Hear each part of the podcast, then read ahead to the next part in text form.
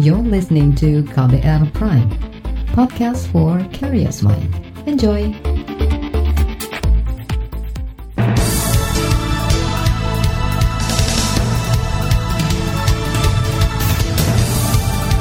Selamat pagi saudara, senang sekali kami bisa menjumpai Anda kembali dalam program Buletin Pagi edisi Rabu 2 September 2020. Bersama saya Eka Juli, informasi yang kami hadirkan pagi ini di antaranya Pemerintah diragukan atas klaim pengendalian kasus COVID-19. Malaysia melarang kedatangan warga Indonesia, Filipina, dan India. Bulan Agustus, Indonesia alami deflasi 0,05 persen. Dan inilah Buletin Pagi selengkapnya. Terbaru di Buletin Pagi. Presiden Joko Widodo menyatakan kasus positif virus corona atau COVID-19 di Indonesia masih relatif terkendali dibandingkan dengan negara lain. Keyakinan itu, menurut Jokowi, terlihat dari laporan tingkat kesembuhan dan kasus aktif di tanah air yang jumlahnya masih lebih baik dibandingkan angka rata-rata global. Kita harus hati-hati, hati-hati di negara kita walaupun ada peningkatan kasus positif di beberapa daerah, tetapi kalau dibandingkan dengan negara-negara lain, posisi Indonesia masih relatif terkendali. Dan ini yang harus kita jaga bahwa pengendalian manajemen untuk COVID ini betul-betul masih pada posisi terkendali. Presiden Jokowi juga menambahkan, pada Agustus kemarin, tingkat kesembuhan COVID-19 di Indonesia mencapai 72 persen. Angka itu lebih tinggi dari rata-rata dunia, yakni 69 persen. Sementara jumlah kasus aktif pada Agustus kemarin berada di angka 23 persen. Angka itu lebih rendah daripada rata-rata kasus aktif di dunia yang berada di angka 27 persen. Kedati demikian, Jokowi mengakui masih ada kekurangan dalam penanganan COVID-19 di Indonesia, yakni dalam menekan angka kematian yang mencapai 4 persen, sedangkan rata-rata angka kematian akibat COVID di dunia hanya 3 persen. Selain klaim pengendalian, pemerintah juga mengklaim meningkatkan jumlah pemeriksaan untuk menemukan kasus positif COVID-19 di tanah air. Juru bicara Satgas Penanganan COVID, Wiku Adhisa Smito mengatakan, peningkatan itu cukup signifikan dalam dua pekan terakhir pada minggu 24 sampai dengan 30 Agustus kita sudah mencapai 125.434 di mana kenaikannya relatif cukup tinggi dengan minggu sebelumnya yaitu minggu tanggal 17 sampai dengan 23 Agustus yaitu 95.463. Jadi uh, kinerja pemeriksaan laboratorium ini harapannya makin meningkat dan pada saat ini kita baru mencapai 46,85 persen. Juru bicara Satgas Penanganan COVID-19, Wiko Adhisa Smito, mengakui meski jumlah pemeriksaan relatif tinggi, tapi angka ini masih berada di bawah standar yang ditetapkan Organisasi Kesehatan Dunia atau WHO, yaitu pemeriksaan per orang adalah satu banding seribu penduduk per pekan. Di Indonesia, jumlah pemeriksaan itu bahkan belum mencapai separuh dari standar WHO. Saudara pengurus besar Ikatan Dokter Indonesia menilai jumlah kasus positif virus corona di tanah air belum terkendali. Menurut Ketua Satgas COVID-19 PBID, Zubairi Jurban mengatakan, hal itu tercermin dari terus meningkatnya angka penularan dan kondisi rumah sakit rujukan yang melebihi kapasitas. Belum lagi klaster baru penyebaran COVID yang juga terus bertambah kami melihatnya eh, begini, rumah sakit makin penuh, susah nyari tempatnya. Itu berarti masalah serius karena tadinya nggak begitu. Yang kedua, frekuensi yang positif itu makin naik. Indonesia juga tadinya 11-12 persen, sekarang infeksinya yang positif di atas 14 persen. Klaster baru banyak macam dilihat dari angka kenaikannya pun setiap hari masih di atas 2.500. Ya kami menilainya belum landai, jadi masih naik terus. Ketua Satgas COVID-19 Ikatan Dokter Indonesia, Zubairi Jurban juga menambahkan, pemerintah pusat dan daerah harus lebih memasifkan jumlah tes usap atau swab serta pelacakan orang yang terinfeksi virus corona. Zubairi juga mendesak supaya pemerintah menambah kuota tes usap lebih dari 30 ribu per hari. Dan kurang masifnya tes swab COVID-19 ini terbukti di daerah. Di Jawa Tengah misalnya, Gubernur Ganjar Pranowo mengaku baru sanggup melakukan 3.000 tes swab COVID-19 per hari. Sementara standar WHO, tes swab di Jawa Tengah seharusnya 4.900 per hari. Karena WHO menetapkan jumlah standar tes swab adalah 0,1 persen dari populasi penduduk per pekan. Tak hanya itu, kondisi serupa juga terjadi di Jawa Barat. Gubernur Ridwan Kamil mengatakan tes swab COVID di provinsinya baru tercapai 200 ribu orang dari target keseluruhan mencapai 500 ribu orang. Sementara itu, ahli epidemiologi dari Universitas Indonesia, Pandu Riono, mempertanyakan klaim pemerintah yang menyebut peningkatan jumlah kasus COVID-19 di Indonesia masih terkendali. Pandu meminta pemerintah menyampaikan data penanganan COVID secara lengkap dan apa adanya. Menurut dia, penggunaan istilah terkendali seakan-akan justru memberi kesan bahwa kasusnya menurun sehingga membuat masyarakat tenang.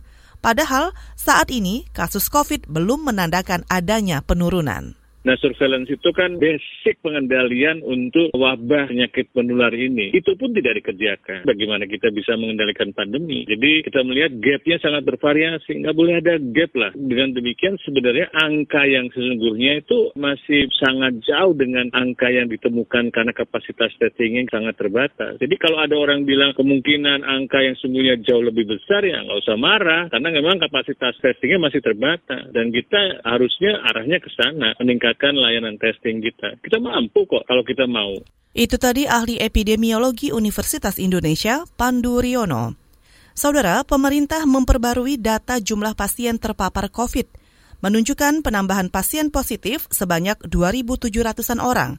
Penambahan itu membuat pasien yang terjangkit COVID-19 mencapai lebih dari 177 ribu orang sejak Maret lalu. Sedangkan pasien sembuh saat ini mencapai lebih dari 128 ribu pasien dan angka kematian 7.500-an jiwa. Kita ke mancanegara, pemerintah Malaysia memutuskan melarang sementara kedatangan warga Indonesia, Filipina, dan India pasca memperpanjang pembatasan sosial. Menteri Pertahanan Malaysia Ismail Sabri Yaakob mengatakan, pelarangan itu berlaku bagi siapa saja yang memiliki izin masuk jangka panjang – pelajar, ekspatriat, penduduk tetap, serta anggota keluarga Malaysia. Sementara itu, juru bicara Kementerian Luar Negeri Teku Faizaisyah mengatakan, Indonesia melakukan beberapa upaya untuk mengantisipasi pelarangan sementara itu, antara lain dengan mengusulkan koridor ASEAN. Travel Corridor merupakan pengaturan perjalanan lintas negara yang berlaku hanya antara negara-negara yang mensepakatinya. Namun, Status usulan itu hingga kini masih dipelajari oleh semua anggota ASEAN. Saudara Presiden mendesak kepala daerah mempercepat pembelanjaan lewat APBD. Informasinya sesaat lagi, tetaplah di Buletin Pagi. You're listening to KBR Pride, podcast for curious mind. Enjoy!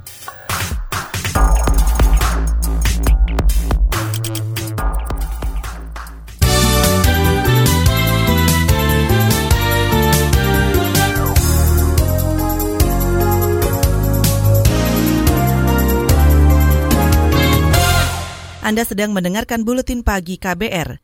Saudara Presiden Jokowi mendesak kepala daerah untuk segera membelanjakan anggaran pendapatan dan belanja daerah atau APBD seperti belanja barang serta bantuan sosial untuk meningkatkan ekonomi di daerahnya masing-masing. Hal ini ditegaskan Jokowi untuk mengantisipasi terjadinya resesi jika pertumbuhan ekonomi Indonesia masih minus. Untuk kuartal ketiga, yang kita ini masih punya waktu satu bulan, yaitu Juli, Agustus, September, kita masih punya kesempatan di bulan September ini. Kalau kita masih berada pada posisi minus, artinya kita masuk ke resesi. Karena itu saya minta percepat belanja APBD provinsi dan perintahkan untuk Bupati Wali Kota agar APBD kabupaten dan kota ini betul-betul disegerakan. Presiden Jokowi juga menambahkan ada tiga provinsi dengan pertumbuhan ekonomi tertinggi, yaitu Papua, Papua Barat, dan Sulawesi Tengah. Selain itu, ada tiga provinsi dengan pertumbuhan ekonomi terendah, antara lain Bali, DKI Jakarta, dan Yogyakarta. Saudara pemerintah mengingatkan bakal terjadi kelangkaan dan krisis pangan dunia akibat dampak pandemi COVID-19. Wakil Presiden Ma'ruf Amin mengatakan peringatan krisis pangan sudah dilontarkan Badan Pangan dan Pertanian Dunia. Sedangkan di Indonesia, Ma'ruf menyebut alih fungsi lahan pertanian menjadi ancaman serius ketahanan pangan dalam negeri. Produksi beras kita diperkirakan akan lebih kecil dibandingkan dengan produksi beras pada tahun 2018 dan 2019, walaupun masih akan menyisakan sedikit surplus pada tahun 2020. Oleh karena itu perlu perhatian khusus untuk dapat mencukupi kebutuhan beras di awal tahun 2021 karena kita belum memasuki musim panen. Wakil Presiden Ma'ruf Amin juga menambahkan, untuk mengantisipasi kelangkaan dan krisis pangan nasional, pemerintah mengambil sejumlah langkah strategis, antara lain melakukan upaya penguatan cadangan beras pemerintah daerah dan membangun lumbung pangan masyarakat. Badan Pusat Statistik atau BPS mencatat terjadinya deflasi sebesar 0,05 persen pada Agustus 2020 yang dipicu penurunan harga sejumlah komoditas – Deflasi adalah suatu periode di mana harga-harga secara umum jatuh dan nilai uang bertambah. Dengan adanya deflasi ini, maka inflasi tahun kalender Januari-Agustus 2020 mencapai 0,93 persen. Sedangkan inflasi secara tahunan sebesar 1,32 persen. Sejumlah komoditas penyumbang deflasi antara lain daging, telur ayam, bawang merah, dan buah-buahan. Sebelumnya, BPS juga mencatat turunnya harga komoditas memicu deflasi pada Juli 2020 sebesar 0,10 persen. Sejumlah komoditas itu antara lain bawang merah, daging ayam, hingga tarif angkutan darat. Saudara Kepala Badan Pengawas Obat dan Makanan atau BPOM Penny Kalukito menyatakan terus memantau pengembangan vaksin COVID-19. Ia mengatakan hingga kemarin ada 1.800 orang yang mendaftar sebagai relawan uji klinis vaksin. Menurutnya, pemerintah terus mengupayakan percepatan penanganan, pengembangan, serta penyediaan alternatif obat dan vaksin dan masyarakat sangat baik dan saya kira ini akan e, memberikan hasil yang baik tentunya sesuai dengan Cana saat ini sudah ada 1018 1800 sukarelawan yang telah mendaftar sebagai subjek uji klinik e, dan hingga akhir Agustus 2020 ini e, terdapat kurang lebih 500 subjek yang telah direkrut dan sudah mendapatkan e, tahapan penyuntikan. Itu tadi Kepala Badan POM Penny Lukito. Data Organisasi Kesehatan Dunia atau WHO, ada 33 kandidat vaksin dari seluruh dunia yang berada pada tahap uji klinis. Sementara itu, ada sekitar 143 kandidat yang berada pada tahap lainnya. Indonesia memiliki dua jalur pengembangan vaksin. Pertama, vaksin merah putih kerjasama antara lembaga pemerintahan, dan yang kedua, vaksin kerjasama dengan internasional. Kita ke berita olahraga. Para petinggi Barcelona dikabarkan kisruh karena rencana kepergian Lionel Messi dari Camp Nou. Manajemen Barca menolak untuk melepas Messi begitu saja. Mega bintang ini hanya akan dilepas jika ada klub yang mampu menebus klausul pelepasan sebesar 12 triliun rupiah. Tak semua petinggi klub setuju dengan kebijakan klausul pelepasan Messi. Sebagian para petinggi menyarankan pendekatan logis, yaitu menjualnya dengan harga lebih realistis. Saat ini Messi berusia 33 tahun dan hampir tidak ada klub yang rela menebusnya dengan harga selangit. Terlebih klub-klub di Eropa juga sedang mengalami krisis finansial akibat pandemi COVID-19. Saudara, laporan khas KBR bertajuk Tenaga Kesehatan Kewalahan Menangani COVID-19 kami hadirkan sesaat lagi, tetaplah di Buletin Pagi. You're listening to KBR Pride, podcast for curious mind. Enjoy!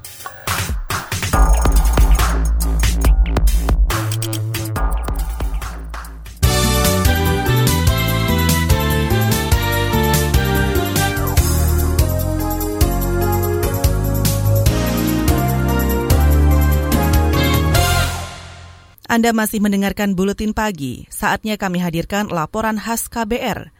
Data Ikatan Dokter Indonesia atau IDI mencatat lebih dari 100 orang dokter meninggal karena COVID-19. Sedangkan jumlah dokter gigi yang meninggal menjadi 9 orang dan perawat tak kurang dari 68 orang. Kondisi miris ini terjadi seiring tren kasus yang terus meningkat – beban kerja tenaga medis bertambah berat yang menyebabkan mereka makin rentan tertular COVID-19. Jurnalis KBR Astri Yuwanasari berbincang dengan dua dokter yang bertugas di garda depan. Simak laporannya berikut ini. Beban kerja tenaga kesehatan COVID-19 semakin berat seiring peningkatan kasus positif. Dokter spesialis paru Franz Abednego Barus sempat merasakan penurunan jumlah pasien COVID yang ditanganinya saban hari saat pembatasan sosial berskala besar diberlakukan di Jakarta. Namun begitu masuk masa transisi, pasien yang datang ke rumah sakit kembali deras. Maret sampai April tinggi karena orang ketakutan. Habis itu turun. Sekarang naik lagi. Rumah saya penuh. Rumah sakit saya tiga, tempat saya bekerja penuh semua untuk kamar isolasi. Peningkatan itu sudah terasa semenjak lepas PSBB transisi, di mana kantor sudah buka dan yang terkena adalah paling banyak pekerja kantoran.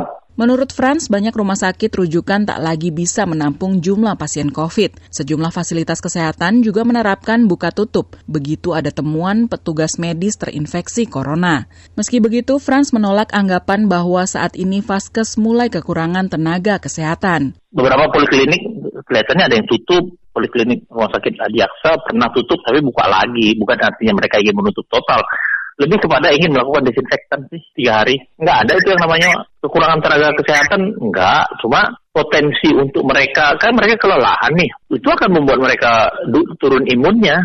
Keterbatasan ruang isolasi rumah sakit menurut Franz juga disebabkan adanya aturan soal pemulangan pasien COVID-19. Pasien baru boleh keluar jika sudah menjalani dua kali tes usap dengan hasil negatif meski sudah tidak bergejala. Menurutnya, prosedur itu malah membuat ruang isolasi penuh, padahal banyak pasien kritis yang butuh perawatan syarat dipulangkan itu adalah dia berani dia bisa mandiri nggak ngurus dirinya sendiri. Bisa mandi sendiri bisa makan sendiri. Apa bedanya sekarang? Kalau kamu ketemu pasien dengan gejala ringan saran isolasi di rumah iya kan? Nah, terus kenapa pasien yang positif kenapa harus ditunggu negatif baru boleh pulang ke rumah? Padahal dia udah udah main game udah udah pacaran di handphone itu kan mengurangi kapasitas ruangan bagi mereka-mereka yang butuh banget. Franz menyebut banyak tenaga kesehatan yang terpapar COVID-19 berawal saat menangani pasien penyakit lain. Idealnya, pasien dites usap sebelum diberi tindakan. Namun, lantaran biaya tes masih terlalu tinggi, sebagian pasien menolaknya. Jika belakangan pasien itu diketahui positif COVID-19, maka kemungkinan besar tenaga kesehatan yang menanganinya juga ikut tertular. Dokter-dokter bedah itu selalu mengkonsulkan ke paru sebelum bedah. Aman nggak ini? Saya bilang swab dulu. Nggak mau mereka laksanakan. Oh keputusan di tangan dia. Dia nggak mau laksanakan swabnya.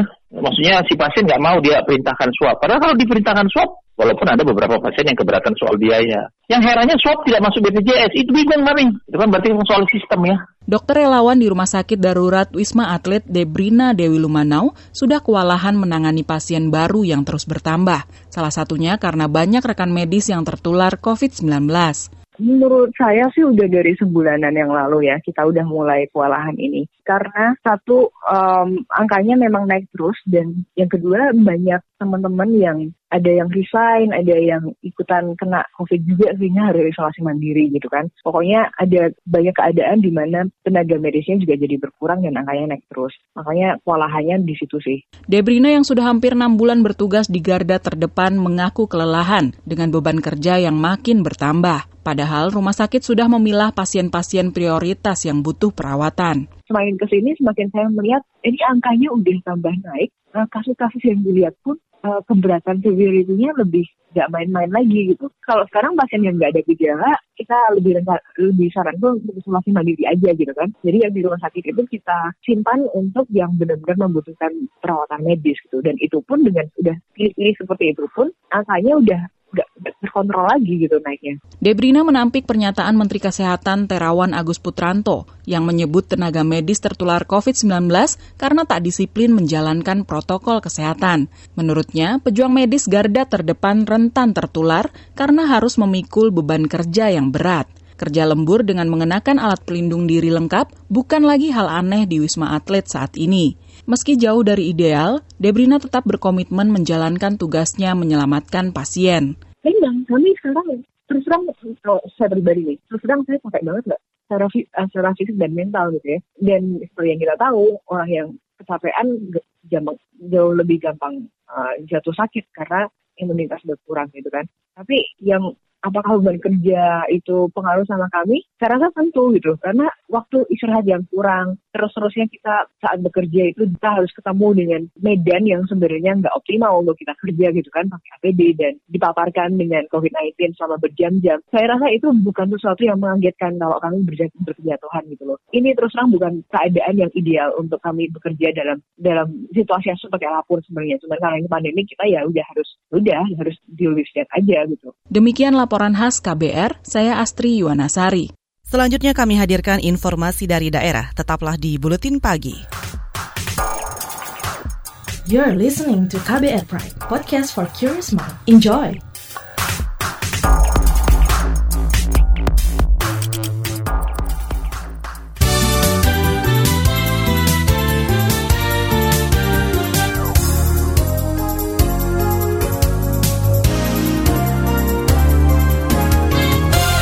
Inilah bagian akhir buletin pagi KBR. Aliansi Masyarakat Adat Nusantara atau AMAN akan melaporkan tindakan penangkapan Ketua Komoditas Adat Laman Kinipan, Effendi Buhing, ke Profam Mabes Polri. Buhing sebelumnya ditangkap polisi akhir Agustus lalu, namun sehari setelahnya langsung dibebaskan. Sekjen Aman Ruka Sombolingi mengaku sudah memiliki cukup bukti untuk membawa kasus ini ke Propam. Namun, ia belum menentukan kapan akan melapor dan tentu saja sekarang sampai ke depan tentu kita akan juga terus dampingi. Untuk FND Buhing akan segera kita akan melaporkan ke Mabes, ke Propam terkait proses penangkapan yang melampaui batas kewajaran itu. Jadi itu yang saat ini sedang kita lakukan. Itu tadi Sekjen Aman Ruka Sombolinggi. Akhir Agustus lalu, Effendi Buhing ditangkap paksa oleh polisi di rumahnya di Desa Kinipan, Kecamatan Batangkawa, Lamandau, Kalimantan Tengah. Kapolres Lamandau, Titis Bangun, melalui keterangan tertulisnya mengklaim penangkapan dilakukan dengan upaya paksa karena Buhing dinilai tidak kooperatif. Buhing ditangkap atas laporan mengenai dugaan tindak pidana pencurian dengan kekerasan. Saudara Lembaga Bantuan Hukum atau LBH Papua menilai Penembakan yang diduga dilakukan aparat kepolisian terhadap tersangka dugaan tindak pidana kekerasan George Karel Rumbino alias Riko melanggar prosedur penyidikan dan penyelidikan perkara. Direktur LBH Papua Emmanuel Gobey mengatakan, penggunaan senjata api harusnya hanya dilakukan untuk tembakan peringatan atau upaya perlindungan apabila aparat dalam ancaman kesalahan prosedur sangat jelas ya. Pada prinsipnya kan atas diri Riko sebagai pelaku dalam tindak pidana itu dia dilindungi kan oleh asas praduga tak bersalah ya. Kemudian ketika ada fakta penembakan terhadap dia yang hanya karena dia mau melarikan diri dan atau karena dia mau menyerang aparat ya menurut versi aparat itu kan kita tahu bahwa dalam kebijakan kepolisian itu kan ada ketentuan menyangkut penggunaan senjata api toh. Direktur LBH Papua Emmanuel Gobay juga menuntut kepolisian memproses personilnya sesuai undang-undang atas dugaan penyalahgunaan senjata api, tindakan penyiksaan, dan penganiayaan. George Karel Rumbino alias Riko tewas saat berada di Polres Sorong, Papua Barat. Riko diserahkan keluarganya ke Polres Sorong pada 27 Agustus karena diduga terlibat perampokan dan pembunuhan terhadap tetangganya. Namun sehari setelahnya, Riko tewas. Saudara, informasi tadi menutup jumpa kita di Buletin Pagi hari ini. Pantau terus informasi terbaru melalui kabar baru, website kbr.id, dan juga di podcast kami kbrprime.id. Saya Eka Juli undur diri, salam.